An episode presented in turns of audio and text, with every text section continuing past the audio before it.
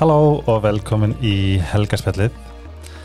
Þátturinn í dag er svona uppáhalds tegund mín af þætti að því að mér líður eins og ég sé að fara í svona masterclass og það besta við það og besta við þetta konsept er að ég get fengið að deila með öðrum. Það er svona ég vona að séu jafn svona mm, peppu og ég. Uh, áðurinn ég kynni inn gestur minn sem ég er brjálaslega spenntið fyrir þá ætlum við að fara yfir indisluðu vinni mína sem að hjálpa mér að halda þessu podcasti gangandi en við ætlum að byrja á Dominos og enn og aftur þá er ég alltaf mögulega að fara í tríu eða því að það er uppáldum mitt ásamt þriðast tilbúða sjálfsögðu. En uppáldspilsum mín er núna í partur á tríónu, það er Blaze og hinn uppáldspilsum mín Prinsessan er einnig uh, í tríónu þess að þið getur bara mixað og skiptið tvent og tekið af og bætta á eins og þið viljið og fyrir græmitisætunar er Vegas líka partur af júli tilbúði Dominos. Ég mæli með ef að þið nenni ekki elda að bara grýpa eina stóra feita pizzu á 2000 kell. Sítokær er besti vinnu minn búin að vera með mér ansi lengi og fyrir það er gríla þakkldur og ég ætla að mæla með travelkittinu. Ég var að reikna út sagt, útreikningana og þetta er eiginlega miklu betri dýl en ég gerir mig grein fyrir. En í þessu travelkitti er body lotion, body scrub, handkrím og fræga uh, face creamið og ég myndi skoða að sérstaklega er að fara í útilegu eða frí að grípa eitt með ykkur þið finnir þetta í hagkaup livju og svona bara helstu verslunum landsins og með kóðanum helgaspjallið þá fáið þið afslátt. Þess að það getur líka panta þetta bara beint heim. Iceherbs er líka með mér ennþá og fyrir það er ég gríðilega þakklur að ég elska þetta. Hvað ég ætla að segja shit, ég ætla ekki að segja það. Þetta stöf en mér langar að mæla með húðþrenni en hún er búin að vera ekkert smá uh, áberendi á samfélagsmiðlum en það er hún að slá þokkalegi gegn. Uh, í því er kollagenið, axtasaðinn og uh, húðhár og neglur. Þetta er greinlega búið að slá rækjali gegn og mér finnst það ekkert skrítið. En uh, svo er líka slökunatvenna magnesium með fjallagröðsum og uh, sóður rótt þess að þið getið um, náttúrulega uh, sofið vel og slaka á. Ég kom að æði fyrir sterka turmeríkinu ég hérna ég teka aðeins meirin á að gera en ég finn fyrir miklum ávinningum hvað það var. En iSerbs er sem sagt bara náttúrulega bætefni uh, og þetta er allt úr íslenskri náttúru. Það er svona stiðjum íslenskt og tökum góð vítamin Losti.is er líka hjá mér og það er skvísur sem eru svo frábærar uh, geta komið heim til ykkar með kynningu ef þið eru með gæsun, party hvað svo sem það er, þið getur panta kynninguna á Losta.is og ég mæli enn og aftur með um, podcastinu þeirra. Ég hlusta á eina ertísku sögum daginn og ég fekk bara svona wow! Það er svona ég mælu svo sannlega með losti.is uh, vefverslinin og svo getið farið líka í borgatúnið og skoðað úrvalið af vörum. Takk fyrir mig elsku vinnir og ég er tilbúin að kynna inn minn næsta gæst uppáldum mitt við hennar gæst er hvernig við kynntumst en hann heitir Gunnar L. Fredriksson og er tíbetskur buddhisti velkomin Takk fyrir það. Takk fyrir að koma. Já, takk fyrir að bjóða mér. Við hérna, verðum eiginlega að fara yfir áður en við hérna, byrjum þetta, hvernig við kynnumst. Já. Því ég náttúrulega bara hefði ekki, ekki hirt um þig fyrir en að ég kynnist þér bara beint en mm. það vil það skemmtilega til að hundunum okkar eru goði vinnir. Leo og Noel.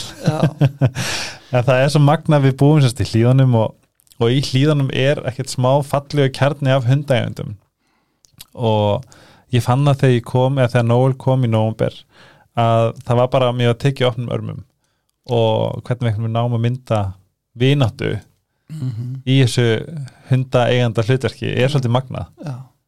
Ég fer mikið upp á Rauðavatn að lappa með Leo og Já. það er svona getur maður haft hann frjálsan og löpur mikið um og svo hefur maður ekki alltaf tíma í það þannig að ég var að fara át á Klambaratún stundum og, og, og hérna og svo allt í hennu fer ég að hitta svona kjarnafólki á ákveðnum tíma á mótnana í vettur og þess að, vá, þetta er flott. Einmitt. og hérna bæði góði félagskapur að hitta fólk og spjalla og, og, og hundarnir geta leikið sér saman sem er náttúrulega bara svo mikilvægt fyrir hunda að hitta aðra hunda og á þennan hátt. Þannig að þetta var ótrúlega flott. Leo er, hvaða, hvaða mix er hann aftur? hann er 75% border collie Já. og 25 labrador. Já, einmitt, ég, ég finn það þetta krúllta því að hann er algjör nagli. Já, og Noel minn er svona frekar mikið krútt en ég finna hvað hann er, hún finnst Leo geggjar, hann er bara eitthvað, wow. Þetta er svolítið svona cool gaurin í skólinum og Noel er svona krútti. Já, já. en við hefum með mig tist líka við Rauðavatn á Mm. hérna, eða við Paradísdalinn og ég kalli já, og það er svolítið magnað einhvern veginn hvernig maður getur ætla bara að fara út með hundi sinn en enda allt í einu eins og við höfum gert enda í einhverjum djúpum uh, samræðum um Mhm. bara lífið og, og tilveruna. En Leo er svo orkumikill og einbeittur og, og svona þannig að þetta var síminn nett, þráhyggja í honum Já. gagvart bolta og svona. Þannig að ég hitti mitt konu þarna upp frá sem sagði, heyrðist, svona hundur sem hegða sér svona hann gæti verið sko fæða að æfa sem leitarhundur. Já. þetta er svona og í enginni björgunarsveitina ekki? Jú, jú, Björgunarhund og Sveit Íslands. Þannig að ég fór að fara með hann á æfingar þar Einmitt. þess vegna. Og, og til þess að meiga að vera með hund þar að þá uh, þarf maður að vera í Björgunarsveit og búa með Björgunarskólan þannig að ég skellti mér í þjálfun hjá hjálparsveit skáta í Garðabæ Já. sem uh, Björgunarsveitamæður til þess að geta verið með hann í sem leitarhund og þarna var ég eitt og hálft ár eða tæp tvö ár Já. með ungu fólki að æfa í hérna að vera björgunarsveitamæður þannig að Leo hefur breytt mjög miklu í mínu lífi. Myndur þú segja að þið voru svona báðir að fylgja köllinni eða kannski meira Leo bara? Sko ég eiginlega fylgdi hans köllun því að Einmitt. þetta er ótrúleg útrás Einmitt. að geta fengið útrás fyrir þennan sko, hvað sem að þess að möguleika að, sem hundar hafa þegar eru með þessa hæfileika að svona obsessífir að þá er þetta svo mikil útrás. Myndur þú segja að Leo hafið, þú veist, breytt lífiðinu einhvern veginn? hann bara hefur gjör Já, það bara uh, fyrir tíu árum hafði ég ekki ímyndið mér að ég væri orðin björgunarsveitar maður í dag með hund á útkastlista sem björgunarhundur. Einmitt. það er mér hefði ekki dóttið þegar, ég hefði ekki giskað á það sko. En þýðir það að þú getur fengið símtal? Bara herði okkar vantar Leo þá þurfið þið bara að fara stað Já, kem, já kemur SMS þegar þarf uh, er útkall á höfuborgarsæðinu hefur hefur hann fengið úkall? við vorum á við vorum á hotnaferði Já, þar var, uh, þar fórum við í útkall að leita að konu þannig á söndunum já, Vá, þetta er magna, þetta er líka bara eins og þetta er saman með Noel bara, það er nefnilega hægt það er nefnilega sem sem segja þú getur ekki keftir hamingju en þú getur keftir hund já, sem er eiginlega sama. Við hérna, þetta er bara með Noel ég veit, ekki, ég veit ekki hvernig ég hefði komist í gegnum síðasta árið ef ég ætti ekki hann. Nei, það er bara, nei, ég segi það bara með miklu, miklu samfæringu En það sem komið svo skemmtilega óvart þegar við bara við tölum um ímislegt bara hvað svona síðustu mánuði en þú ert tíbetskur búttisti já, já. Áður en við förum í það sem ég bara ég, ég, ég, ég lakast til að vita allt, þú getur ekki ímynda hvað er mikið að spurningum þetta er. Það langar mér svolítið að þetta er svona partur af, af prógramun okkar en mm hver er Gunnar? Ég, ég vil kalla Gunnar Dá já mér finnst það svolítið töff. Gerðu það, ég var alveg til í að það væri bara svona þitt stage name. Já, segðu mér, ertu, ertu reykvíkingur?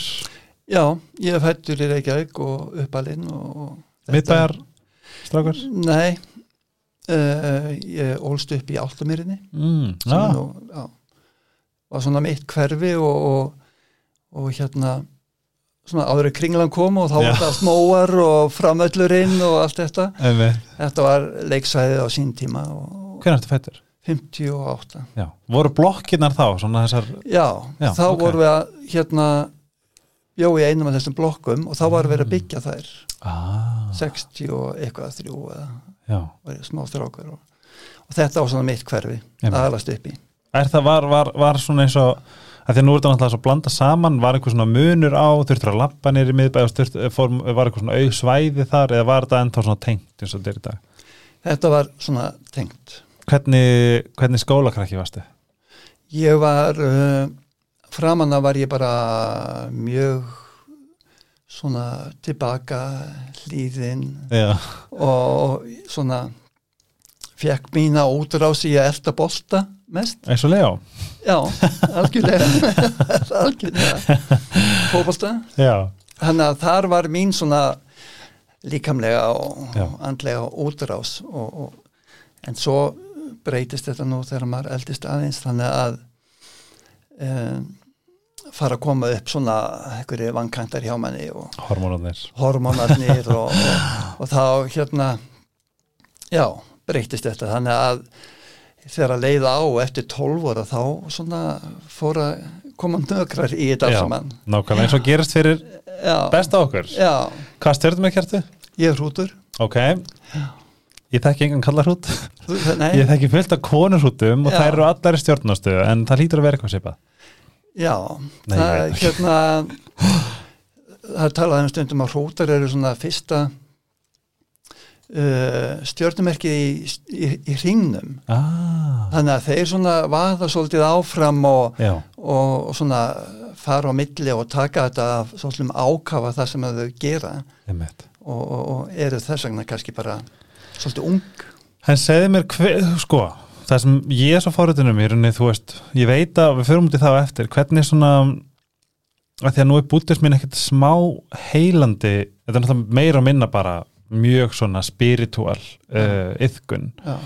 hvernig leiðistu inn í og hvenar inn í bútisman hvað var svona hvað var svona vendipunkturinn?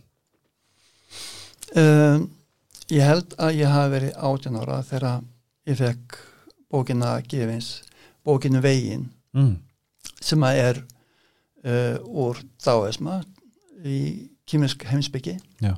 Lao Tse það var svona fyrsta hálmstráið sem Ok. kom og hérna svo les maður það og bara wow, þetta er æðislegt og svo uh, kynnist ég jókarhefingu hinn í bænum eitthvað árið setna annanda marga það því vart átjánara uh, þá hef ég verið tróðast verið árið 19 árið setna Vá, ég, ég, ég held að jóka verið svona freka nýtt að náli Já, hérna allavega á Íslandi Já, nei. en, það, en það var samt allt öðru sér heldur en í dag Já, það var miklu minna og færri svona reyfingar Mhm. en anda marga var frekar öflug á þessum tíma með Já. búð og leikskóla sem er nú ennþá kortmarkaðurinn og ég fór að vinna þar Mhm. kortmarkaðum og heldi mig svona út í það. Var Mhm. það næstu árin? Uh, Varstu alin upp í svona trúar trúar nei, eitthvað? Nei. En nú er ég að spyrja, þegar núna þú veist, þú ert væntalega svaka gæi hérna 19 og eitthvað fann, fannst fólkið ekkert bara pínu skrítin? Jú, fólki fannst þeir sem að voru að yfka jóka á þessum tíma Já, og hvað þá að verða grammitisætur Já. það þótti mjög undarlegt. Þess að þú varst græmint þetta á þessum tíma? Ég byrja á því þarna 19 ára. Eh, Það? já, þú, þú eru bara stór skrítin að því hverjum já þá sko þurfti maður að svona vera einhvern veginn að svara fyrir Einmitt. akkur þetta grammitisæta svo verður maður hundleiður á því. Einmitt. Þannig að maður sko er kannski ekkit mikið að tala um það. Nei, hvernig tókuð þið til dæmis bara foreldrar og uh, pappi var svona já, þú veist, ok ég ætti bara sláturinn Já. krakki mamma fór að gráta og, og hérna og tók sér svo tak og fór og fann einhverja bók Já, um hvernig maður eldar nýrna baunabuff og svona og svo bara var það búið skilur, svo bara Einmitt. var það partur af hverstasleikunum, tilverunni já. Og fóru þau eitthvað í sama pakka eða? Uh, já, pappi, hann var svona tölvert fyrir Aha. það já. Og hvað varstu, varstu lengi græmins þetta? Eða ertu græmins þetta? uh, ég er ekki græminsæta í dag en ég var það í cirka 35 ár Vá, þarna. Og, og alveg þangað til í rauninni ég veikist af ristilkrabba minni ah. þá einhvern veginn þoldi bara meldingin svo illa græmiti og þá fór ég einhvern veginn að, að þá fór ég að borða kjúkling Já.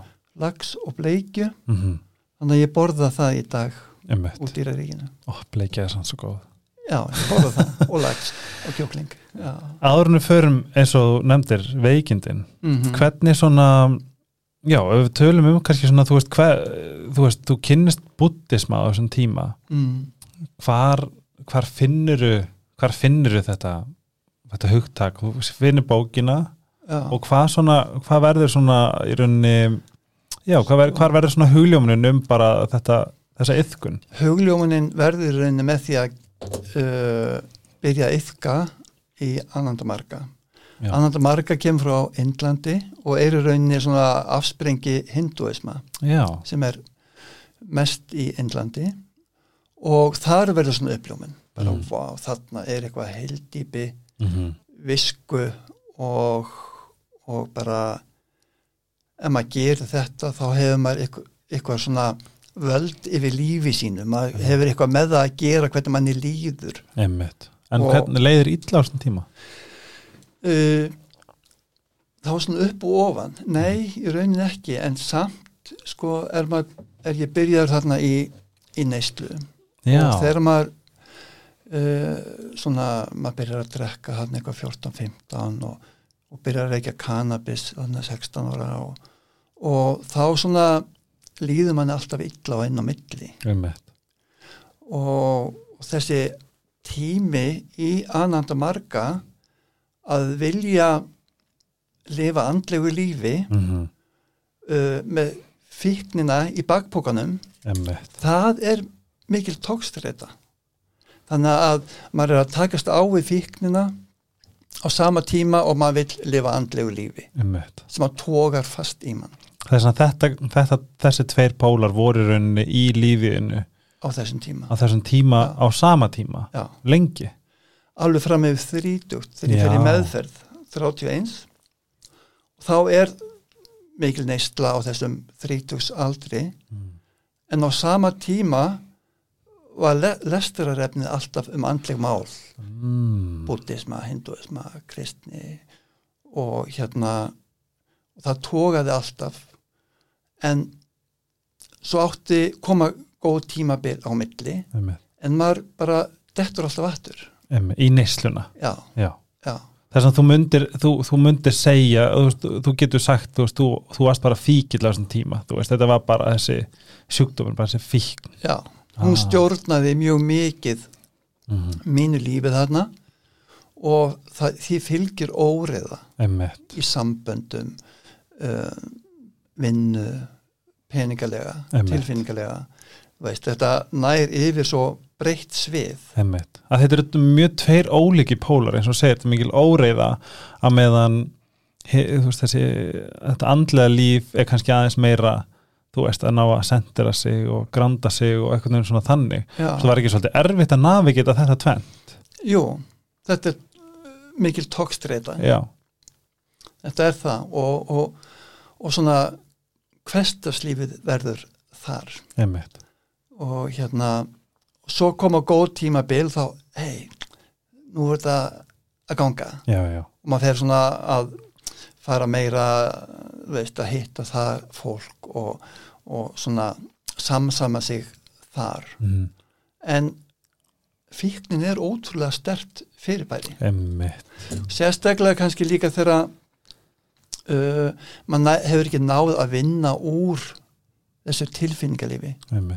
Skulum koma inn á það líka og eftir svona hvernig maður það er ekki nóg að verða edru nei, uh, maður þarf að klára þann pakka sem að maður er búin að búa til í Mhm. neyslunni og finna fyrir sátt og Mhm. fyrir sjálfum sér og umhverfinu. Hvað var svona, hva, hver voru svona andluð tólun á þessum tíma sem, man, sem að hjálpaði þér að svona einhvern veginn gefa þér ró í óreiðinni? það var það sem ég hafði í rauninni kynst í uh, annandamarka Mm og svo hugmyndafræði um uh, karma orsök og afleggingu -hmm. uh, uh, samskara þetta sem að þessi kvestasleiki það sem að maður er eins og hamstur og hjóli skilur að reyna einhvað en maður er eins og hamstur og hjóli Einmitt. Og, og, og geta bara séð þetta. Geta séð sig sem hamstur og hjóli já, og re- og reyna að komast út úr því. Einmitt. Ég man, ég, það er hérna setning ég get ekki muna hana, þetta er sérst fyrir, hver, fyrir hvert gjörning eða svona for every action þá er equal þá er, þá, þú veist, þá gerist í rauninu, það sem þú gerir og útkoman verður alltaf út frá því. Já, það er svolítið, power, það er svolítið stærst já, og en ef við förum aðeins en það nú langar mér bara að vita veist, allt um og hvað já, ef við getum svona far, farið út í bara svona hvað er buddhismi? Og, og hver er svona upprunni buddhisma, sko hugmyndafræði. já. Uh, buddhismi er 2500 ára gammal að það, og Buddha hann er með Siddhartha. Siddhartha, já hann uh, fer á stað Mhm. og fer að horfa á lífið svona í stuttumáli og hann var prins ekki satt Jú, hann var prins sem að sem að fara aðeins kannski í söguna með það að þá var hann alin upp til þess að verða annarkvort bara kongur í ríki, Mhm. svo litla ríki sem að var þarna og, og hérna og svona andlegur fræðari manstu hvað, hvað hann var uh, það var Norður Indland. Ok, uh, ég maður ekki nákvæmlega Nei. hvað það heitir. En allavega að þá var hann haldið út frá uh, í burtu frá allir í þjáningu. Einmitt. hann sá aldrei þeim að rest fólk ungt og, og ekki gamalt fólk veist, bara innan garðsins bara já. en svo fer hann út úr garðinum og fer að sjá þess að svona bara gamalt fólk, veikt fólk uh, og hann kemur upp hjá hann, heyrðu byrju, hvað er þetta? emmitt, þetta þarf ég að finna út úr emmitt þannig að uh, og hann á konu og hann á barn en hann fer frá því og fer bara að leita Mhm. en þar fyrir er þessi hinduismi skilur, Mhm. þar sem að það er andli yðkun í, í Indland á þessum tíma og hann fer að yðka en hann fær aldrei þessa endalegu svörun sem að hann vill finna sem er uh, hver er orsök þessara þjáningar Mhm. sem að fólk er að upplifa. Ég las eitthvað svona að hann hugsaði sko að þú veist að peningar eða runni svona að wealth get ekki lína en að þjáningu. Nei. eitthvað svoleiðis. Já, já, sem að er uh, partur af þessu öllu. Það er uh, þetta kemur allt innan frá. Emmitt, og, og það endaði með því að hann satt undir bóti trénu og sagði bara við sjálfan sig, hér ætla ég að sitja þá til ég er búin að ná þessu endalega og þá Ah. tók hann 40 daga. 40 daga er svona svolítið heilugt tala bæði kristni og buddhisma og, og þá mútið hann uppljómast. Ah, þannig er hann rómlega þrítur og, og var búin að ganga í gegnum mjög erfið skeið mm á sínu ferli til að upplifa þetta allt saman á eigin skinni og sjá í gegnum með því að hugleiða aftur og aftur og dýpri og dýpri lög í sjálfu sér Já. sem að er þessi svona ignorans þessi uh, hérna hvað kallar maður það? svona já, eignur svona ó- ó- ó- ó- óvitund eða ó- Já, svona já, svona finna Svo- dýpri og dýpri lög í sér Mhm. vegna þess að um leiðum maður er búin að taka eitt lag og það, já, einmitt, þetta er svona. Þá kemur alltaf nýtt lag. Einmitt, ég mitt var að lesa um þetta bara við erum eins og laukur. Bara Já. það tala um að við séum bara bókstala eins og laukur. Já.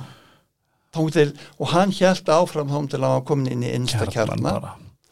og hann eitti sko tögum ára, hvort það var 45 ára eftir það í að kenna. Veist, hann, og hérna uh, það sem hann hafi lært. Mhm. og, og það er þetta afsprengi, þar verður búttismin til í Mhm. norður Indlandi. Og, og í framhaldinu breyðast hann út. Og hann, það var eitt sem var svolítið fallegt er að hann, hérna, hann skilgrindi sér bara sem vakandi. Mm mér finnst það svo fallegt. Já, hann var ekki, skilgrindi sér ekki sem prins eða, eða guð eða maður, Nei. bara hann var vakandi. Og það búta þýðir það í rauninni. Aha, vakandi hugur, wow, að hann er ekki eini bútan nei. Það geta talað um fleiri búta sem að hafa orðið komið fram eftir að hann einmitt. lifði hér. Þetta er 2500 ár síðan. Já, Vá, spáði því. Já. Og, og hérna ég er búin að koma víða við í andliri yðkun mm. og var töluvert á tímabili í taoismannum Dao, sem er mjög flott, sem er kýmest Mm. í kristinni svona mystik svona hva, hvernig getur maður hugleikt í kristinni hver finna hvernig var yðkað í frum kristni, Mhm. eðimerkufeðirnir hvað voru þeir að segja? Og, og svo kynnist ég búttismannum það var svona 2009 þá fer ég á námskeið hérna í bænum Mm. og þá algjörlega kolfjalli fyrir því Aha. það bara einhvern veginn, já, einmitt uh, ég, nú er ég ekki að setja út á aðrar yðkanir, Nei. en þarna upplýði ég þetta bara mjög stert á Mhm. þessum tíma og ég og kona mín við fórum saman á námskeið hérna í Reykjavík hugleislu og friðamiðstöðinni Mm. Og, og við vorum bara sammála, heyrðu, við ætlum að skoða þetta betur saman Mm. og heldum okkur svona svolítið út í það Nei. og það sem að var kannski sem að mér fannst svo heitlandi þarna, þarna erum við að læra svona mindfulness eða núutundur hugleyslu og, og það var hvað þetta var svona einfalt Já. þetta er svo einföld yðgun þó að hún sé ekki auðveld það er ekki auðveld að Nei. finna rútínu Og og, líka- skoða sjálfan sig. Nei og fólki finnst oftast erfiðast það sem fólk gerir að setja í þögn. Já, já, en því að bara við einhvern veginn umhverju okkar kúltúrin okkar hann býður bara slítið upp á. Þetta allast núvitund sem er líka bara mjög stort orð mm af því að það er svo þarft. Já, þú veist, þetta, þetta, veist, þetta og er svo huglega, ég reyna huglega sem mikið að ég get og minnst það ógeðslega erfitt. Já, þó að það er með hljómi ekkert smá auðvelt, hvað það er bara að sitja og, já, og þegja og mm fara inn og eitthvað. Já. en þetta er bara miklu meira en að segja en ávinningarnir eru náttúrulega bara svo storkslega Já, og það sem að þannig að við skellum okkur út í það Mhm. að bara það sem að uppsprettan er hér á Íslandi, kemur frá Skotlandi. Þannig að eru Það- skosk, hmm, eru íslika skoskir? Þannig séð, Íslendingar, já, sko þeir varst það að vinna það? Uh, sko við komum það líka. Ah. Skotar eru bara indislega þjóð og, og, og hérna og við erum búin að vera mjög mikið í Skotlandi Mhm. og mér sé mikla samsvörun Aha. við Skota Fyndið. hér. En samt vorum við að fara til Skotlands til þess að fara í klaustur Tibet-bútista ah. í Skotlandi og afsprengi þaðan er hugleyslu og friðamiðstöðun á Íslandi þannig að við vildum fá meira þannig að við fórum og lærðum að vera leiðbynendur í núvitund og, og fórum að, að leiðbynna í því hér á Íslandi Mhm. á hugleyslu og friðamiðstöðinni og víðar hvar er hún? hún er hérna inn á Grensósi og er, er þetta staður fyrir bara fyrir hvert sem er? já, Mm.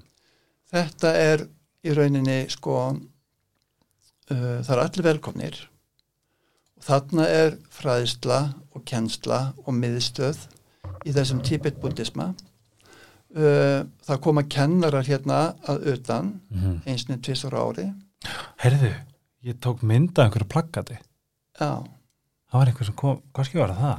já, það getur verið það, að vísu hefur það dotti niður núna í COVID því Mhm. miður Einmitt. En ég vona að það verði bara veist, fyrir áramót. Næsti kennari hingað. Já, sko, því að það sem ég hef hugsað er að nú þekki þú veist, ég er svo bara kristni, þú veist, þú ferði í þú veist, en, en ég held að það er margir sem að hugsa og bara ég hugsa sjálf, þú veist, maður veit ekki alveg hvert maður á að leita, ef maður vill segjum bara fólk sem er kannski bara í þjáningu eða eitthvað Mhm. svoleiðis, mm þú veist, hvort það sé mitt einhver, einhver staður sem fólk getur bara komið til og bara, Já. einmitt, þú veist, hvernig hvernig, hvernig virkar svo starfsem, getur maður bara mætt, já.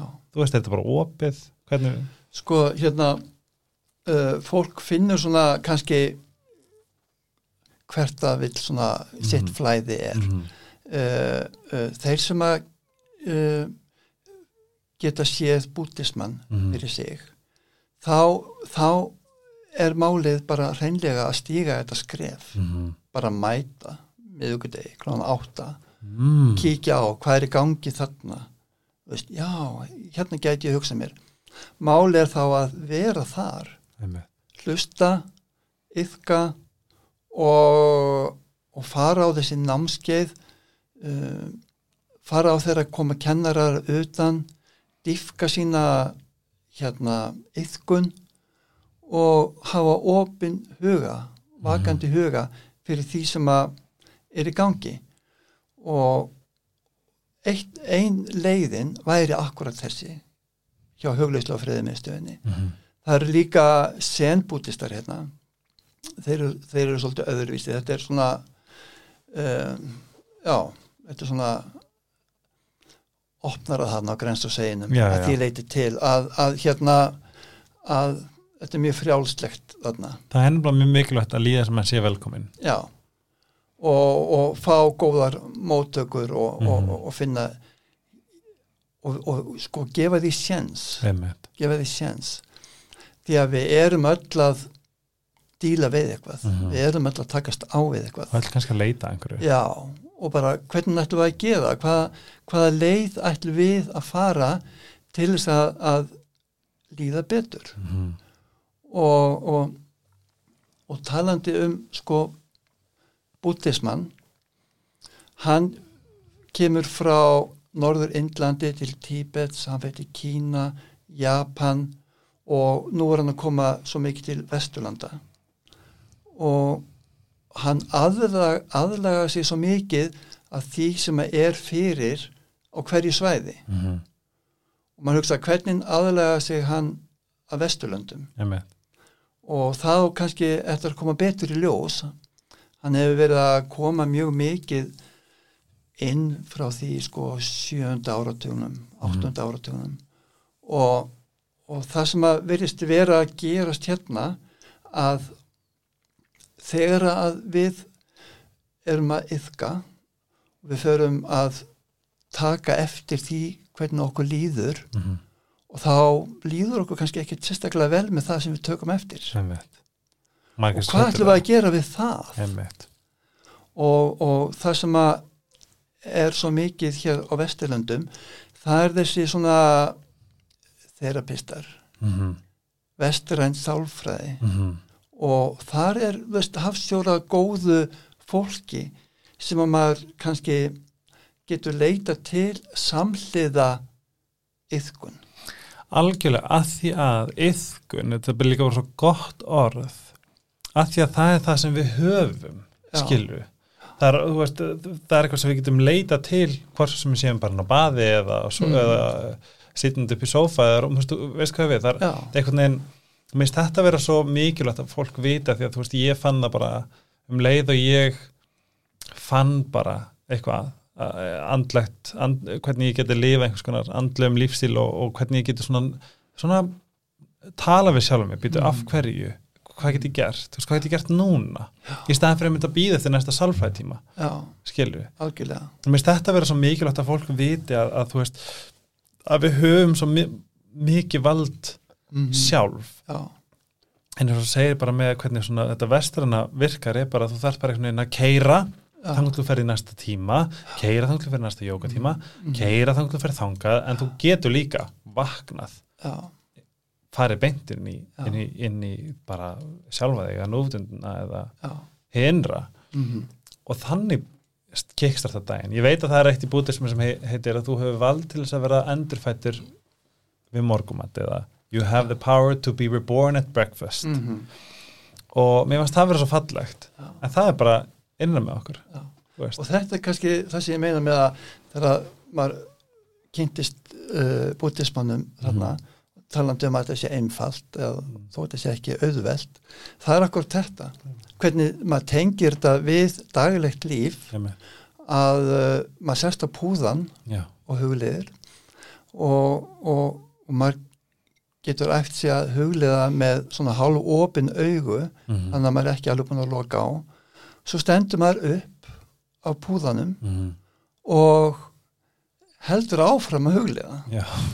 Post meditation eða eftir hugleisla Ah. það er, þá fer maður kannski einmitt að hérna uh, borða morgumatinn einmitt, og þá borða maður morgunmatinn nú er það já, einmitt. Svo fer maður í vinnuna. Mm. og maður keirir í vinnuna sest upp í bílinn gefur því tíu sekundur bara stilla sig inn á það nú er ég að fara að keira Mm. nú er það einmitt, og maður er að tekur tímyndur að keira vinnuna þá er maður búin að huglega í tímyndur viðbútt nákvæmlega. Og eins og ég reynir alltaf að nýta rauðiljósin að minna mig á það en þegar rauðljós, þá reynir ég svona að draga djúftin andan, þetta er bara svona eða vani sem ég er að þróa mér. Mm -hmm. þá er ég bara búin að taka eina með þetta öndun eða tvær með þetta andanir. Já. og ég veit að það er þá eitthvað Mm þú veist, já, algjörlega. Og ég held bara einhvern veginn að þetta er þetta er svo að, þetta er svo sko powerful að því að fólk heldur alltaf eins og þegar ég var að huglega fyrst þegar ég var að huglega þá var ég alltaf að spyrja mig, "Úff, það er eitt breytt. Okkur á ekki, gera, á ekki eitthvað að gerast? Já, og það sem að hjálpaði mér að því að við tölum líka um þú veist þess að nefndi kristn um daginn nei áðan, um daginn, já, njú nefndur auðvitað daginn líka. Já. það var hérna ég kunna byggja Mm frá ég var lítill. Spenna greipar, harmfæði vorið þess vegna þegar ég var að ströggla sem mest og eins og það var þess að hausnum var ætla ekki að stoppa þá nýtti ég það tól já, bara að byggja ég vissi ekki endilega ekki til Nei. ekki, ég, ve- ég, og ég veit ekki ennþá í dag til hvers ég er að byggja en það hefur verið svona gott tól fyrir mig til þess að svona byrja þetta og, og svona vera svona eitthvað svona þægilegt sem ég kann. Mm, og það yfirleitt er ég bara eins og, eins og ég svolítið sé að tala við sjálfa mig eða peppa sjálfa mig eða eh, hvetja sjálfa mig. Og það hefur verið sko brjálar ávinningar í því. Þú veist, ég finn það bara stundum þegar ég er bara búin á því þá get ég bara fallið á hnýjan og bara, veist, já. eitthvað svona. Þetta er okkur þetta bara að gera það. Just do it. Just do it, Nike, og svo, einmitt, svo bara ef maður gerir það þá finnur maður ekki kannski neitt mun. Nei, en svo kannski sex mánuðum setna já, og þá gerist eitthvað hjá manni í lífinu Mhm. og maður bregst ákveði við og hugsaður, vá ég hefði brugðist allt öðru sér við fyrir sex mánuðum. Nákvæmlega. Þetta er það sem ég fann. Já, sérstaklega var þetta samskipti eða og, já, þú veist. allt í hennu fattaru, ég ætla ekki að orkunni í þetta. Ég- og, þú veist, lyfti öxlum að segja, þú veist, takk fyrir mm, þetta en eh, þetta, virka, þetta virka svona þegar maður kíkir tilbaka já, og þá getur maður séð breytinguna, maður sér hann ekki frá degi til dags. Þannig að þetta er svona eins og maður segja að taka bara þú ert með hausverk og tekið verkatöflu og svo fer hausverkurinn. Já. það er eitthvað svona, þú veist, eitthvað svona akút sem við kannski bara Mhm. erum vön. En þetta er kannski líka bara gott að vita, þetta er þetta hefur mitt miklu langvarandi áhrif, já, þú veist til lengdar og, og, og þegar að einhver erfið kemur eða eitthvað svoleiðis. Mm þú veist, þetta er bara svo þetta er svo, þetta er svo powerful.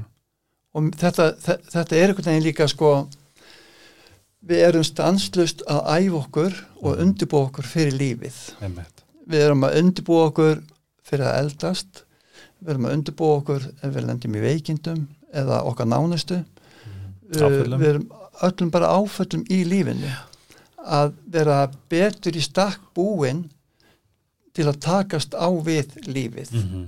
það sé ég andlega yðkun þess vegna finnst mér hún svo mikilvæg og mér finnst þetta eiginlega að vera verkefni okkar í lífinu. Algjörlega. En það er einhverjum sem sagði að við erum ekki við erum ekki ég verð að segja þetta ennsku we're not humans having a spiritual experience we are spiritual beings having a human experience. Já, já, ég veit ekki hvort að fólk bætti þetta ég kann ekki Já. alveg að þýði þetta nei, en þetta var svona eitthvað svona þetta var svona bing bong fyrir mig. Mhm, já, ef maður spáður í það, við erum einmitt bara að undirbúa okkur fyrir, þú veist að við erum hér að þessari jörðu að, og þú veist er bara það er ógæslega erfitt stundum að, að vera hérna.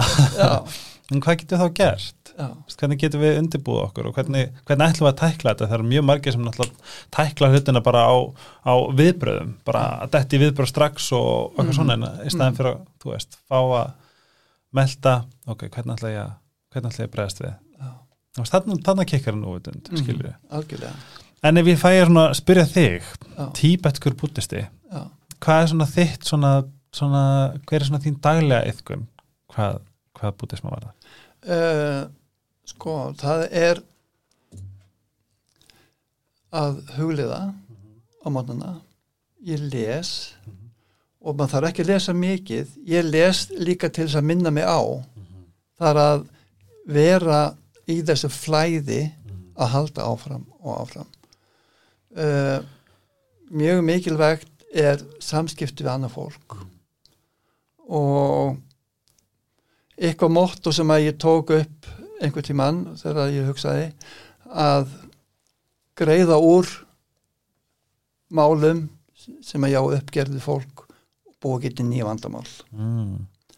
og það hefur verið pínu svona, pínu svona leiðaljós að, að hérna að, að uh, lifa í sátt við umhverfið. Mm en það er ekki þar með sagt að maður þurfa að láta allt yfir sig ganga, það er ekki að sama. Nei.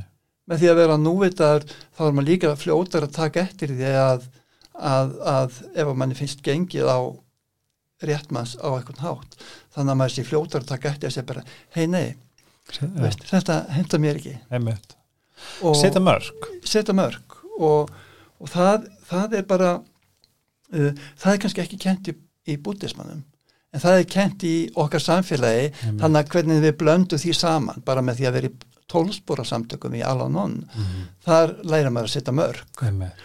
Maður lærir í hugleyslinni að vera núvitaður maður taka eftir því þegar maður þarf að setja mörgin Og er þetta ekki partur af því af sjálfstekkingu? Jú. Þú veist, í rauninni að eins og þú veist, ég finna því meira sem að ég næ svona inn í sjálfa mig að þá veit ég hvað hérna ó, ég er hugsa alltaf á ennsku svona doesn't serve my purpose svona, sem að þetta bara henda mér ekki og að því að ég veit svo innilega þetta henda Já. mér ekki Já. þá er auðveldara fyrir mig að setja mörg Mm algjörlega þú veist, og sjálfstekking kemur mitt frá andlarið þú, þú fær að kynnast bara innri, innri englum og, og djöflum Mm og mér finnst þetta búið að vera svolítið, svona, ég myndi segja að þetta hefur verið svona örglega eina af stærstu hérna stærstu þáttum fyrir mig að með því, með þessari sjálfstekkingu -hmm. þá er auðveldara að segja nei Já. Þú veist, og, við erum rosalega erfitt með að setja mörg sérstaklega núna í dag, við erum mjög svona samfélagslega meðvirk og það kemur rosalega mikið bara frá uppeldi og kúltúrnum okkar. Mm þess vegna minnst þetta hafa verið að því á nefndir, þú veist að að setja mörg og hvernig þetta blanda saman. Já. þú veist, ávinninganir, þetta það er ekki bara á sér bútist sem situr og púða Nei. og, og Nei, segir hérna om og, og allt þetta. Veist, það, þetta er nefnilega fegurinn á bakvið þetta. Mm þú veist, að, að, þú veist, þú ert ekki munkur í klaustur í Tíbet, skilur, þú ert hér. Já, og allir þessar áskornir sem, að, sem okkar verstana líf býður upp á, mm skilur já. Þetta er svo, þetta er svo magna og það er kannski það sem að ég var einmitt að tala um þegar hvernig búttismin aðlegast Vesturlönd mm -hmm. það miklu meiri hraði og, og miklu meiri að gerast hér heldur var þegar búttismin var að koma á árið 1100 til Tíbet. Og hérna og hvernig er alltaf það að aðlegast og, og við viljum halda áfram að lifa í þessu samfélagi með Einmitt. fólki og geta svona aðlegað búttismann að því. Einmitt. Þannig að um, og líka gera svona sko við viljum taka þátt í samfélaginu. Viljum líka lifa andlegu lífi. Einmitt, og þá þarf maður að hafa kannski einmitt, eins og segir þessi mörg og finna ég má standa með mér. Mm ég má taka plás ég má taka plás ég má vera bara ég. Og, og mér finnst mikilvægt líka að vera í samfélagi með öðrum. Mm -hmm. þess vegna finnst mér mikilvægt eins og þannig á grænsasveginum að, að koma þangað. Og, og, og en fólk finnur svona sitt samfélag hvar, hvar það vill vera og, og svona geta já samsa með sig þessu hverstaslega lífi Mér finnst líka svo frábært að því að þú nefnir hérna, þú veist, að þú þú sagðir áðan sem að fekk mig til að hugsa, þú veist, vani þú veist, að þú sest niður eða lest já, smá til þess að minna þig á Já. og ég get þýtt það yfir í svona vesturana okkar sem við þekkjum Mhm. til dæmis vani. Mm veist, við, við, við keirum á vana já, við.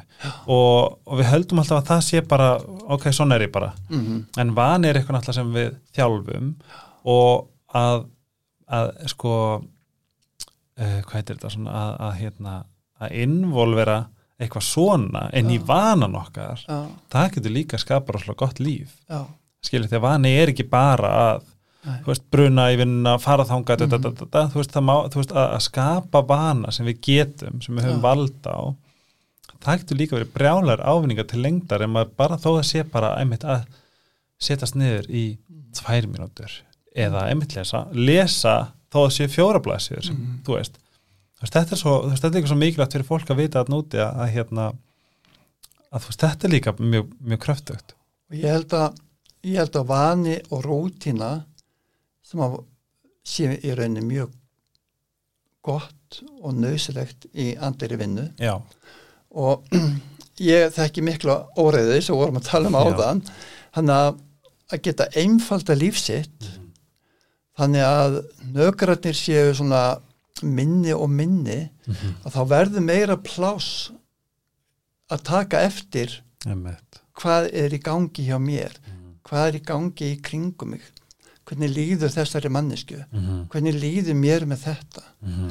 og, og, og það getur verið óþægilegt stundum Mhm. að upplifa svona hluti og þá getur það verið flóttaleið að vera alltaf að vera alltaf að vinna eða vera alltaf að einhverju öðru heldur en að, að, að taka eftir því sem er að gerast Mhm. innra memmanni Mhm. þannig að veist, þetta getur alveg krafist sko hugrekkis og áraðinni að s- ætla að setja og taka eftir öllu sem kemur upp í hugamanns finna fyrir sátt fyrir því og finna fyrir því að, að þetta óþægilega sem að ég er að upplega um sjálfa mig uh, sem að ég hef kannski gert í lífinu á hlut annara og sjálfsmins að geta fundið fyrir sátt fyrir því Mhm. og, og sýndi í góðuvild að ég má vera svona nákvæmlega eins og ég er núna. Einmitt og þetta er mjög mikilvæg partur og, og partur af þegar maður læri núvitund og að hugliða þá er góðuvildin mjög stór partur af því. Mhm. vegna þess að og er, er, get, er, erum við að- erum við að tala um svona com compassion? Já, já, sko þá er það sko bæði svona góðuvild og samkend samkend, já. Og, og góðvild er svona kannski meira að maður óskar hlutum. Mhm. uh, óskar þess að fólki líði vel sé heilbreygt Mhm. og, og maður sjálfur er líka. Meðan kannski samkend og compassion er að maður svona upplifir með fólki já, hvernig því líður. Ah, einmitt, já, já, já, svona, þetta er alveg tentálít já, já. Þannig að, að, að maður er að rekta með sér bæði. Og það er svona og það, og það er gott að geta tekið eftir því líka að hinnir eru allir að díla við það sama og maður sjálfur við erum öll að díla við svo svipaða hluti. Það er svo og, auðvitað að gleyma því. Já, og talandi um yðkun þá er þetta partur af yðkunni það er að muna þetta. Einmitt, að við erum öll að þessu í rauninni saman þannig að á sama tíma og mér vil ég vil að mér gangi vel í minni yðkun og mínu lífi Mhm. að á sama tíma óska ég þess að þér gangi vel líka því að um leið og ég fæ góða tilfinningu fyrir því að þér gangi vel og Mhm. líði vel og öðrum þá líði mér líka vel algjörlega, því að það er oft, það eru margir sem hugsa að þetta sé bara hérna að þú veist, það er bara hvað, hvernig get ég orðað þetta? Bara svona að, að það sé bara ein kaka mann skilur, já, einhvern veginn. Að hérna, mm að í rauninni eða það sé sérstaklega svona eins og bara í, þú veist, eins og í business eins og það sé bara eins og maður eh, einhvern veginn domineri bara, þú veist, sjálf ef, ef, að- ef þú ert með mikið, þá minna fyrir mig já, en það er ekki svoleiðis. Nei það er nóg fyrir alla, og margkvöldunar áhrif margfald þegar að maður gefur frá sér það sem að maður er búin að fá mm -hmm. þá fær maður ennþá meira. Og þá bara Nákvæmlega. verður meira og meira meira. það. Það sem við þurfum líka ræða sem að, sem að bara mjög stórt aðtöku í þínu lífi Mhm. voru veikindin. Já, hvað hérna, segð mér þess frá? Hvernig hvernig, hvernig bara hvernig, hvernig, hvernig fór þetta fram, hvernig greinist þetta? Hvernig gerist þetta? Já. Þá hérna það er nefnilega skemmtilega við andleitt líf. Maður er alltaf Já. að halda áfram. Og maður er einhvern veginn aldrei búinn. Ekki nema maður sé orðin búta eða kristur eða. en ég veikist þarna 2014 af ristilkrabba minni og, og það uh, gerist náttúrulega bara snögglega. Og maður er einhvern veginn aldrei undibúin undir Nei. Svona veikindi þess að þú varst ekki í rauninni, þú var engin svona grunur eða voru einhverju, þú varst Jú. kvillar hvernig jú, jú, svona ég var búin að vera með enginni í einhverja Aha, sem að ég hlýtt ekki og, Ah. og, og, og, bæði þreita og uppþemba og, og svona skrítin líðan sem að uh, ég hlýtti ekki fyrir en ég fór eitthvað að tala um þetta við konuna og bara hei, þú veist og lætur kíkja á þetta einmitt. þá kemur þetta í ljóskrafa minn já, þú fer bara til læknis og svo er þetta bara grein já, já það, var, það getur verið auðvist að greina kannski ristilkrafa minn þegar þetta er neðarlega í rislinum. Já, já, og kom, kom fljótt í ljós Ok. hvað var og þess að það er bara, þú ert heppin að þetta var ekki, þú veist, er ekki, er ekki rétt að það sem þeir, því ofar því erfiðar er þetta? Jú, þá koma líka enginn oft setna fram. Já, já, já, já og einmitt. þá koma þau fram kannski þegar æxlið er orðið það stórt að maður er farin að finna fyrir verkjum og annað Mhm. en það eru svona önnur enginni þegar þetta er neðalega í já, rislinu já, já, og, og þá er æxlið ekki orðið einn stórt þannig Þannig að þetta er, ekki rétt með þetta er, þetta er, þetta er mest hérna hvað heitir þetta? Svona delli krabbamenn fyrir kallmenn uh, sko ég held að það sé það í dag mm. kannski með, með eistum, ég samt ekki alveg viss en það er mjög mjög alvarlegt já, já. já, Hvernig, hvernig og nú spyr ég bara svolítið aðsnalega hvernig, hvernig bregst típiskur bútisti við svona fréttum? Já, ég ætlaði nú að, að laga þetta allt sjálfur Já. og, og hérna og byrjaði á því að fasta Mm. og fastaði þann alveg á einhverjum djúsum túrumerik og svartum pipar og fleira alveg í einhverjum 40 daga Vá, og með stólpipum og, og, og baði með magnesíum og, já, og, og bara alls konar aðferðum og gerði þetta í þrjá fjóra mánu mm. en æxlið minkaði ekkert já. Þannig að þú varstæntalega í, í tjekkum eða ekki í Jó. kjölfar eða þú veist, Jó. já, Jú, mér var náttúrulega ráðlagt bara að fara strax í aðgerð og, en ég vildi býða með það Mhm. og reyna þetta þannig að svo þurfti ég að taka ákvörðum hvað ætla ég að gera? mm. ætla ég að halda áfram og vona að þetta mingi Mm. eða ætla ég að fara í aðgerð og ég ákveða að fara í aðgerð Mm. og lif og eftir fórst í kímó bara já, já, og, og það var svona það var svolítið áfall ég segja alveg svo er sko fyrsta lagi náttúrulega að greinast með krabbamein er svona bara veist, þetta, orð krabbamein er svo stórt Já. í okkar samfélagi hér og bara takast á við það og öllum þeim spurningum sem koma upp í hausin á manni hvar maður stendur í lífinu og, og eins sko er ég að fá ristilkrabbamein og er búin að vera grammitisæta þarna í 35 Já. ár.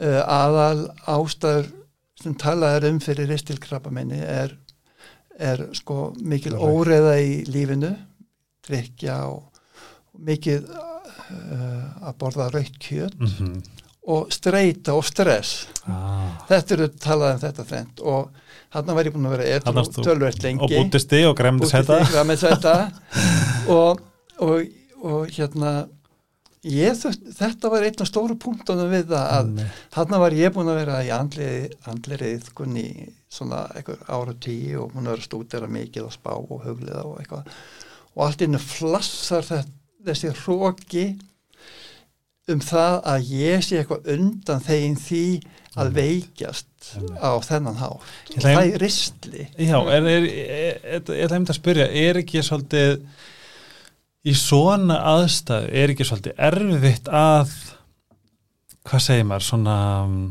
það hlýtur að pílundi erfitt að einhvern veginn það kemur eitthvað óvart og segir þess að hrókjaði kannski egoið þú veist já, að það blossi upp uh, í nákvæmlega svona aðstæðum. Mhm. Þú veist, er ekki svolítið erfitt að halda svona þessi svona, svona yfirvegun og, og núvitund og eitthvað svona þegar svona áfall ber garð, já, er það ekki? sko um, jú en svo náttúrulega er maður búin að fá þjálfun og þetta til dæmis uh, það talaði um í núutund stuðning. Mm og þá erum við að nota veist, oft öndunina hljóð og keira bíl eins og ég sagði á þann til að minna sig á það að vera hér og nú. -hmm. Þarna kemur eitthvað svolítið stórt inn hjá mér sem tekur mikið huga minn. Mm -hmm. þannig að ég uh, fer að hugsa ok, ég ætla að nota þessa líðan mína til að minna mig stanslust á það að vera hér og nú. Þess að þið tókst það líka í þessu ferli já, já, svona til þess að halda þessu andlega jafnægi einmitt. og það tókst bara andlegt jafnbæði var það sem var að leita á hann já, Já. já, já að hérna og það tókst bara, þú veist, mjög vel þarna.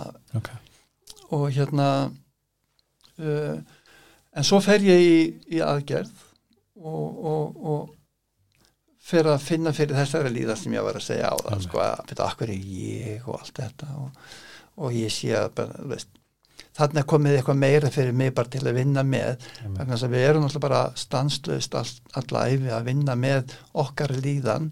Þarna segi bara, heyrðu, þú ert bara tölvægt mikið veist, og ok, hvað gerir maður við það? Já. maður finnur fyrir sátt fyrir því, bara, hei, ég má vera það veist eh, ég þarf ekki að íta því í burtu, en á saman tíma og ég finn fyrir því að þá slepp ég tökum að því á saman tíma einmitt. meðutundin já, aftur og aftur og aftur þannig að með svona mýkir þessa líðan mm -hmm. og, og, og, og, og svo fyrir ég í lifja meðferð og, og hún tekur á líka líkamlega. Og ég sit uppi með svona að vera með stóma eh, ósæðlega þreyttur eh, með hugsanir um það býtu við hvað verða næstu skrefi í mínu lífi geti fara að vinna aftur og, og eitthvað svona. Þannig að þetta er eitthvað til að vinna með. Og þetta bjó líka til svona uh, kvíða. Og svona hei, býtu við, er ég að þetta út bara já, með, veist? Útundin er bara já, bara mitt samt við vinnu og samfélag og, og allt þetta. Þannig að þetta þarf maður þá að takast á við. Og, og ég fann fyrir tölvöld miklum kvíða þarna sko þá komið ár frá því ég greindist og búin að fara í, í hérna aðgerð og lifja meðferð og, og Já. svo á maður að fara á stað út í lífið já, eftir það. Og getur það ekki. Ég, ég hef nefnilega heyrt að þetta, að þetta komi fólki svolítið óvart. Mm hitti konu sem var svo indislega opinu mig -hmm. sem ég bjóst ekkert við, bara hérna vinkona mömmu. Já. Hún bara sagði, sagði hreint út bara eftir á, mm það var. Það, hún sagði bara, það var drullu erfitt. Já, bara eiginlega bara erfiðasta, þú Mhm. veist, einhvern veginn. En hvernig hugsaður einhvern tímann um dauðan já, já og hjákvæmilega þá kemur það upp í hugan og, og vegna þess að já, þetta bara, maður, þetta er innrætt inn í manni, krabba minn er eh, sjúkdómur og, og getur farið hvor megin sem er. Mm -hmm. og, og ég velti því mikið fyrir mér.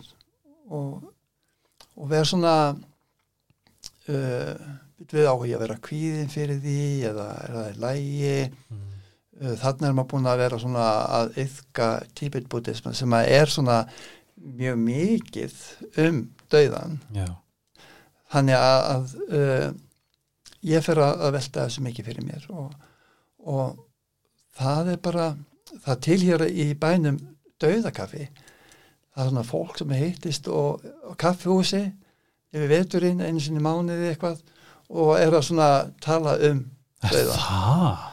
Og ég kíkti þangað og, og fer að lesa meira um þetta og, og, svona fer svo að velta fyrir mér maður er þreytt og slappur, líka með ferð og eitthvað. Og eitthvað skipti þá var ég þannig upp í sofa og, var svona bara með lífstleipið svolítið svona byrju, hvernig er þetta búið að vera alls saman og, og fer alveg bara í æskuna og, og, og hvernig við komum svona inn í þetta líf. Og, og þegar að við fæðumst mm. þá erum við fyrst í móðukvið og, og verðum þar til. Svo komum við úr móður, móður, móðurkvið og höfum ekkert með þetta að gera já, nákvæmlega. Við ráðum engu Engu. um það hvað gerist. Og, og svo erum við pínu lítil. Og það þarf að passa upp á okkur borða og förum okkur ekki að voða og, og það er eitthvað fólk sem að passar okkur og, og, en ég hafði bara ekkert með það að gera. Einmitt, svo verði ég eldri og ég fyrir að stjórna minni lífi og ætla að stjórna þessu öllu. Og, og svo heldur lífið áfram og, og svo verðum við gömul og, eða veikjumst og deyjum. Og þá hugsaði ég byttu við akkur þarf ég að hafa ykkur áhyggjur af því hvernig ég fer út úr lífinu? Fyrst ég þurfti engar áhyggjur að hafa af því hvernig ég kom inn í lífið. Ah, og þegar ég hugsaði, já, emitt ég get bara slakað með þetta. Þetta Einmitt. verður allt í lægi þetta er alltaf magna hvernig sem það verður. Að því að líka við vitum að það kemur. Já, já, ah, og bara talandi um skilur þetta er maður kannski að lítið að hugsa um þegar maður er yngri. Einmitt, að, veist, maður er eiginlega ódöðlegur þú veist, maður getur allt og, og, og öll framtíð. Maður, maður er endurlega með framtíðina fyrir sér. Einmitt. En svo kemur að því að veist, þessi framtíð hún styttist alltaf í þann enda. Mm og, og þannig að það, ég held að við höfum ósala gott að því að æfa okkur -hmm. fyrir að deyja. Ah, að leifa huganum að kvarla að því hvernig það er. Einmitt. Og því að það er ekki gott að vera kannski orðin mjög fullorðin og vera hrættur í döðan einmitt. Og það gerist alveg. Mm það er mjög algengt ég verið að vinna tölvert á allir heimilum og verið að tala við fullorði fólk og, og því getur liðið líka illa yfir döðan og alveg svo yngra fólki. -hmm. þannig að mér fannst þetta að vera svona góð leksi að fara í gegnum og þetta hjálpaði mig mikið það sem ég var að lýsa á þann bara hvernig ég kom inn í lífið hvernig ég fyrir út úr lífið og ég þarf ekki að hafa þessu. Þess að þú, nú, þú ert á þeim stað núna þú, þú bara, þú tekur þetta bara sem lærdóm já, og kennslu. Já, en hvernig voru henni eftir sérst, eh, þegar þú varst að koma aftur inn í bara, já. hvernig svona hva, rauninni, hver voru kannski svona andluð tólin sem þú nýttir Mhm. þar, já. Nefnilega að þurftir ekki smá orku til þess að, til þess að koma þér svolítið á þá breyt ég hérna uh, jú, ég byrjaði bara strax eftir Livja meðferðina og þá fór ég til Englands og konan og fórum á svona vikur ítrít og það var bara mjög erfitt skal ég segja þér. Aha. þar fór maður að hugleiða og var að hugleiða svona svolítið bara djúpar hugleiðslur þannig og þannig að flassaðist mjög óþægilegi hlutir Mhm. um svona sjálfa mig hver staða mín væri og, og, og líkamlega hvernig ég var svona þreyttur slappur með stóma og bara svona og, og þá kom kvíðin Mhm. og það var alvöru kvíði Mhm. sem ég aldrei upplega áður. Og þannig að þarna fær maður eitthvað nýtt til að vinna með. Mhm. og þar, sko, ok, hvað hva tól er maður með í það, veist? Ég held að nummer eitt sé að viðkenna og segja bara, hei, ég er bara hund kvíðin, mér líður illa veist.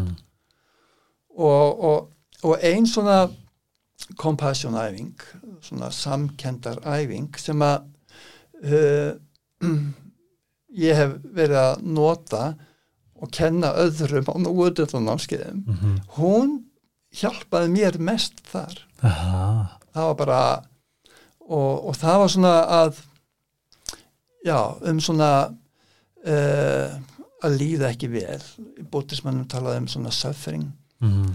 það er svo stert orð þjáning. Jáning, já. en þetta er svona, veist, ónót bara, ah, mér líður ekki nógu vel ég Mhm. stressar, ég kvíðin og þá bara að geta unnið með það. Og ég gerði þessa hugleyslu eða þessa stuttu æfingu aftur og aftur, veist, 20, 30 sinnum á dag bara til að, 30 sinnum á dag? Já, hún tekur kannski bara eina, tvær, þrjár mínútur. Já, en, en bara að snúa við dæminu þannig að maður svona umbreytir líðan sinni til þess að finna fyrir sátt. Og ég má vera nákvæmlega eins og ég er. Ó, vá, ég, þú, ég, ég, þú, þú færðið ekki að fara hérna út fyrir að þú fyrir að þú leifur Já. okkur að heyra hvað, þetta, þú kallar þetta self-compassion. Já, svona, já, eitthvað, svona sjálfsgóðvildar eða sjálfsamkendar sjálfsamkendar æfing já, já. Ef að gera hana? Já. Ok. Ég þarf, þarf ógustlega mikið svoleiðis. Já, en sérstaklega líka bara pældi hvað þetta er fallegt orð. Já, sjálfsamkendar æfing. Já.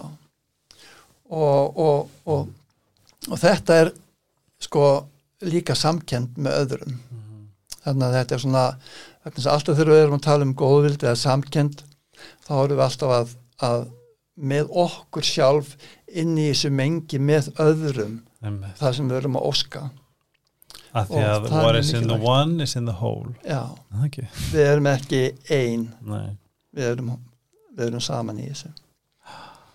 Ég segi bara take it away ég bara við skulum gera eina svona stutta æfingu. Og ég hvet alla sem er að hlusta til að vera með. Já, bara láta fara vel um sig Mhm. í stólnum eða bílnum eða enn í eldúsi eða hvort þú setja strögin í herbyggi já, nú ætlum ég að hvetja ykkur kerfinir að vera með. Sama hvað þið eruð. Og, og ok, já. Oh. já. Ég er að nota hérna smá svona bjöll því að þessi bjalla hérna hún tengir mann svolítið við að bara detta svolítið inn. Mm. en hún skiptist í þrentisæfing og hún er í fyrsta hlutanum þá ætlum við að uh, vera bara svona hér og nú með þessari líðan sem að er þá óþægindin sem ég er að upplifa núna. Og við förum yfir á næsta stig sem að er að það líður öllum stundum illa. Og þriðja stíð er hvernig við getum svona fundið fyrir góðu vild, væntum þykju yfir þeirri stöðu sem við erum í. Skulum gera það.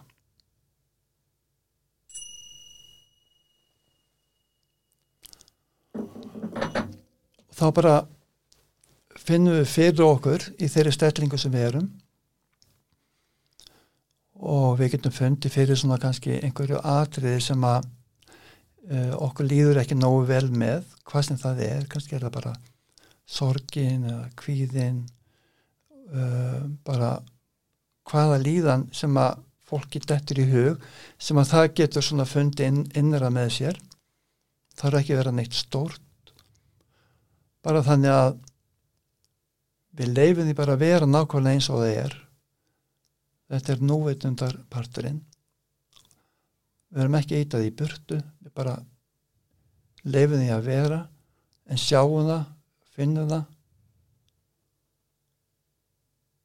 og finnum að við getum svona verið hér og nú haldið undir þetta og leifti bara að vera nákvæmlega svona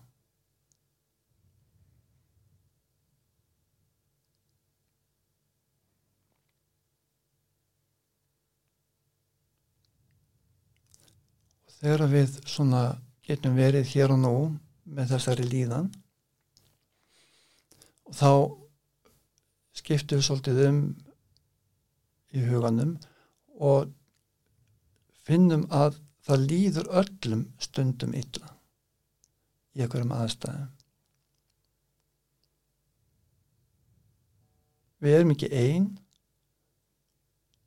það líður öllum þannig að við svona fletjum svolítið okkar líðan út þannig að við finnum að það líður öllum stundum illa.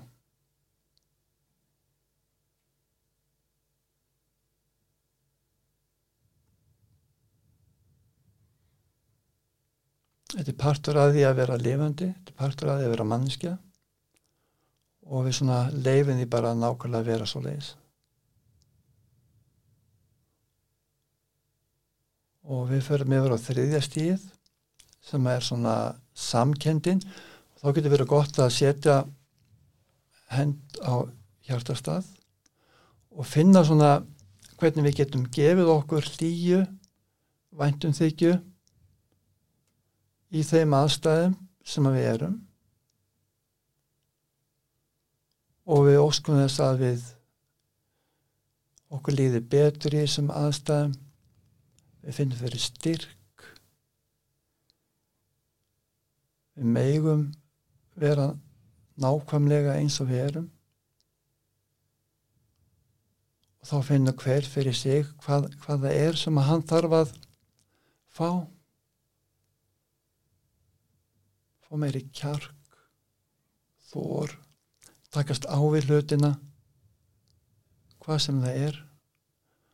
Finna bara ég má vera nákvæmlega eins og ég er. Og við finnum svona að við erum að tala vel til okkar sjálfra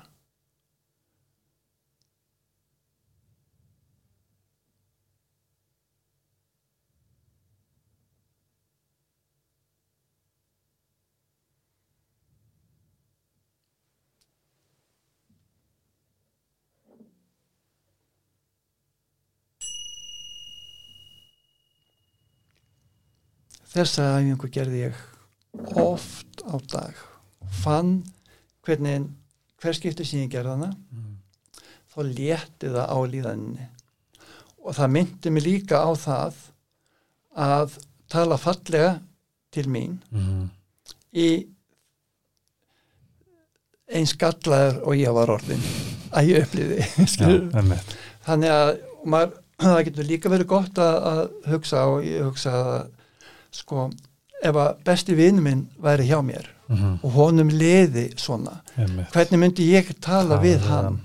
Þetta er mjög góð regla. Og, og, og hérna og, og það er gott að minna sig á það að tala við sjálfan sig eins og sem besta vinn og vegna þess að það, ég held að sé mjög sameiglegt hjá mörgum.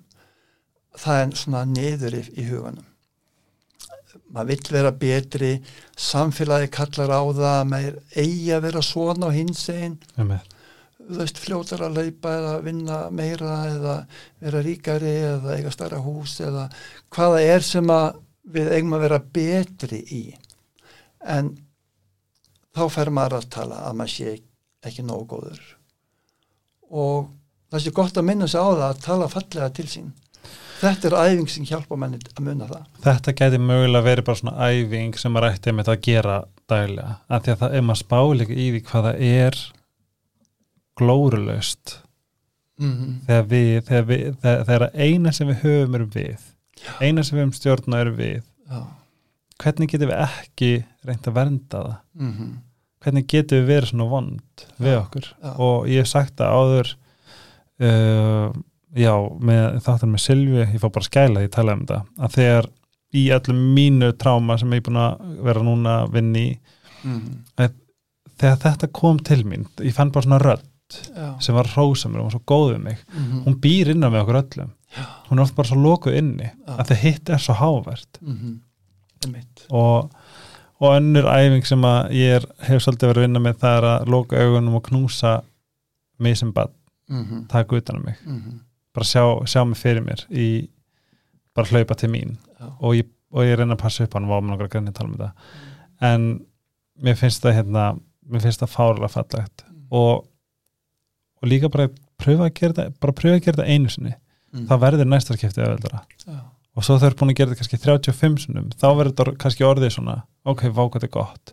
Veist, þetta er bara svona ákveðin ábyrg sem við höfum eða við eigum að hafa að tala fallega til okkar Mm. er rétt að mér, ég skrifaði þetta er þrjú skref fyrsta, mér líður nákvæmlega sem mér líður Já. Finn, finna eitthvað atrið sem manni líður ekki nóg vel með og vera svona núvitaður og finna það og leifa því að vera svo leiðis mm. Númer tvö öllum líður stundum illa Já. þrjú ég síni með samkendi en og já. Gott að hafa hend og hjarta henda og, og jafnir sko bara finna hitan frá hendinni.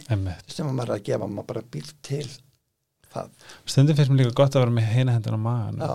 Af því að ég er búin að vera að lesa mikið um hérna gött mm þetta er svona magna, veist, þetta er kallað gött feeling. Já, og þetta er og mægin er bara mjög powerful innefli en það er svo fyndi Gunnar, því ég vaknaði með kvíðan út í maðanum mm og ég veit ekki svona af hverju ég er bara búin að vera með þennan hnút bara ennþá. Þess að það er að koma til mín á svo góðan tíma og ég er alveg til að gera það 30 svona dag já. Og þú veist, þetta er bara, þú veist, stoppuröði ljósi Nákvæmlega. bara að segja, ah, gott að það er reitt ljós ég ætla að reyna að ná því. Einmitt. og gera einu stutta æfingu svo heldur maður áfram. Þá er maður búin að svona vinda aðeins ofan af. Ah, aftur og aftur og aftur og svo bara allt í einu mingar þessi líðan. Einmitt. hérna áður en að við kveðjum. Mm þú ert í dag heilsunuttari já, og það sem ég forvitin um að því að heilsunuttari er náttúrulega bara þú veist maður hugsa bara nuttari já. Fyrir góða heilsu. Mm en hvernig myndir þú svona lýsa þínu starfi sem heilsunuttari nummer eitt bara hvað, hvernig lýsa maður heilsunuttara og hvernig nýtist til dæmis hugleisla í nutti í rauninu það sem þú kant og þekkjur og búin að vera yfka mm hvernig, hvernig getur þetta blanda saman í, í það starf? Sko heilsunuttari er um, maður lærir mörg nuttform sem maður svona blandar saman því sem manni finnst sjálfum. Vöðvanutt, sogaða svæðanutt og þetta er svona tól sem að maður er með. Ég örfa blóðrás og vinna með vöðvabólgu og um, já, bara alls konar líðan hjá fólki. Og þegar ég er að nutta þá er ég ekki að tala til dæmis Mhm. við fólk. Og ef fólk vil tala þá gera það og ég svara. En ég bý aldrei til nýjar uh, umræður. umræður. Mhm. þannig að vennilegast er komið það kannski ef fólk er að tala eftir fimm mínútur eða eitthvað. En ég nota nuttið sem tæki fyrir mig til að huglega ah, þannig að talandi um stuðning hvernig, hvernig man ég eftir því að vera hér og nú? Mhm. þá hef ég tekið því þannig að, að, að vera að nutta minni mig á það að vera hér og nú.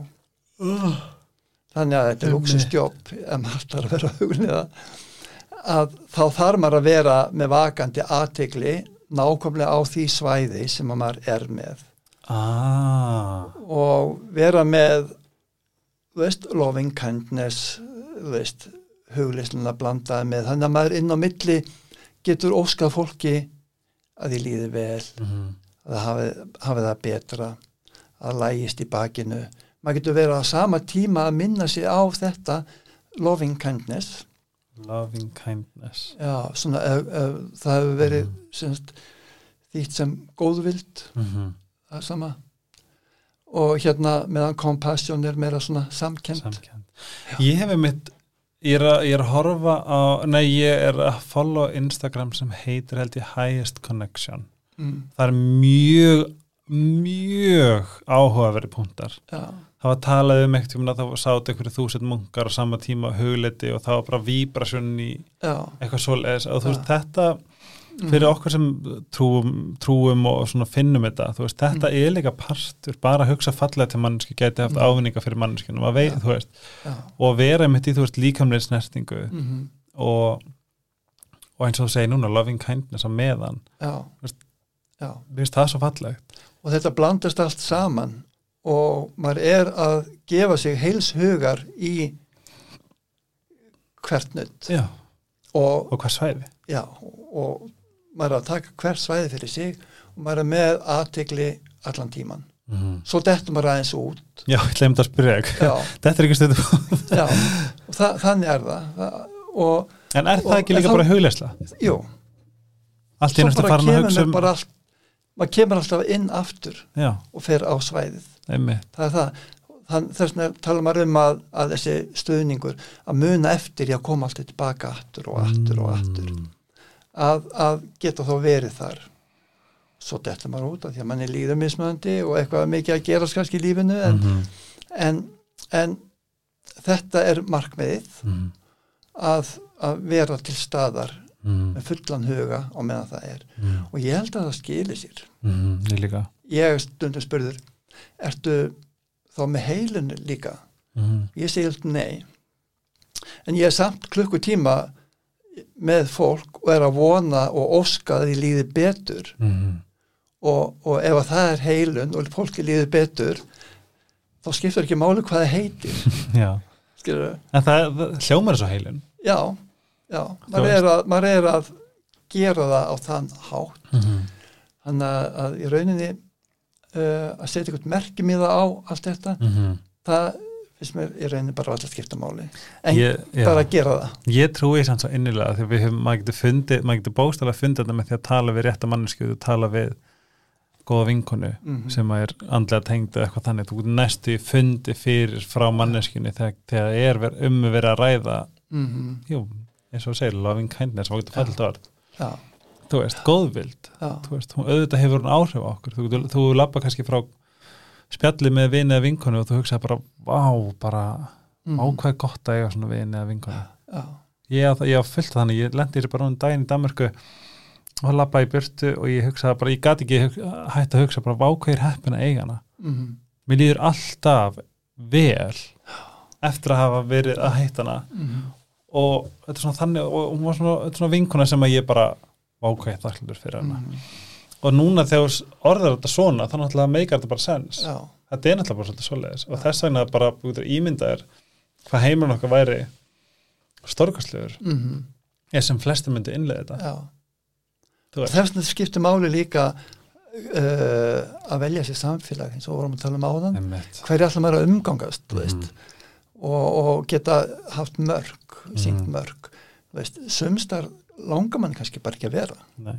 Maður þarf ekki vera þar. Nei, við hefum rættið það mjög mikið í Já. podcastum mikið um að ræðum til dæmis bara já, uh, jú, vorum að tala um til dæmis narsista og tölum svona ímislegt, ímislegt svona, þú veist, að við veljum fólk í kringum okkur og, Mhm. og þú veist, það má það má og maður áhelst að bara kött út fólk sem er að veita manni vanlíðan. Já, af því að þau hafa alveg mikil áhrif á fólk sem lætu líða vel. Þegar maður kannski óþægilegnir hafa kannski lang, meiri langvarandi áhrif. Mm þetta er ótrúlega magnað já, Og- dá.is e-mailið þetta er. Heim- Dag.is er heimasíðan Já, dá.is d-a-o.is. Hvað, finnum við þar á heimasíðinni? það er uh, ég er búin að einfalda heimasíðuna núna bara Mhm. fyrir stuttu síðan og þar koma þessi námskeið fram Mm. Meni- það? já, Þín námskeið? nú þetta námskeið sem að verður haldið núna í lók september, eða byrjar þá áttavekna námskeið, Á ég að koma? bara velkomin Æ, það ekki 28. minni mig september það er á þriðju degi 22. september, núvitunda námskeið já, í, í huglæslu og friðamistinni já, ah, það er núvitund á Facebook og hugleyslu og friðarmiðstöðin líka á Facebook Heitir þetta núvitund á Facebook? Bara, já, ok þar eru svona upplýsingar um námskeiðið uh, hvað það er haldið og hvernig það er byggt upp eða svona gró, gróflega átta vikur mm. tveir tímar í einu og það sem farið er svona stig af stíi, hvar Mm. byrja maður hvernig byrja maður hvað gerir maður svo Þess að þetta er myndur segja þetta er bara fyrir alla Þetta er fyrir alla og alveg að ég sé endilega að, að segja bara að komið á námskeiði verðið en, en ef maður vill stíga skref þarna inn þá Mhm. þarf maður eitthvað stærra að byrja Nefnilega, og, Og- kannski smá leiðbynningu já og þá er þetta svona þá fær maður svona pakka mm. og eftir, eftir að vera búin að gera það í átta vikur og fá upplýsingar stig af stígi Mm. Þá er markmið að vera orðin svona svolítið sjálfstæður í því að geta gert þetta sjálfur heima. Þess vegna finnst mér mjög mikilvægt að, að maður stýi inn fara á námskeið og sko fái grunninn. Þetta er nefnt bara eins og planta nokkrum fræjum já, sem að svo bara halda áfram að vaksa já, Ég ætla að koma, bara velkomin. 100% já, Ég bara, og ég finna bara þetta er það sem ég þarf. Mm að því að líka bara segja, veist og fólk er svo mikilvægt að vita þú veist, þú þarft ekki að ganga í hörklænaði og, og vera, eh, þú veist, þú þarft ekki að vera ykkur hippi, Nei, skilju bara þú veist að eins og við erum búin að tala um svona hér bara veist þetta við, þetta er bara þess að auðvilda okkur já, lífið já, sem er mjög hektist, Mhm. óneitanlega hektist Já. er þetta að komast hjá því. Já, 28. september það sjáumst við. Já, dag.is Gunnar L. Ferriksson Gunnar Dag eins og ég vil kalla þig. Uh, bara að taka eðslega fyrir mig, þetta búið bara að vera frábært. Finnst þér ekki Já, fyndið að við vorum bara tveir krútkallar með hundan okkar Já. og allt í einu er ég bara frábær. Já, og ég er heppin að fá að reyndar þetta að flytja pínskellur en við hljótum að hitta sem hundana ekki spurning eitthvað. og ekki spurning, þú verður duglegur að koma af og til Já. í heimsa til okkar spurning. við hundana. Já, má ég enda það með hérna einu svona klingi? Já. Hvað gerir ég? svo lætur það saman. Ok, kæri vinnir ég er með hérna mjög þungar og mjög fallegar reyndar hvað er hvað maður svona? Við kiptum þetta í klausturinu í, í Skotlandi. Það? Um, Dominos, Sítokær, Losti Ice Herbs, Love You. Takk fyrir stuðningin við ætlum að enda þessu enda þetta á svona klingi frá mér. Hafa það gott og takk fyrir að hlusta. Takk sem leðis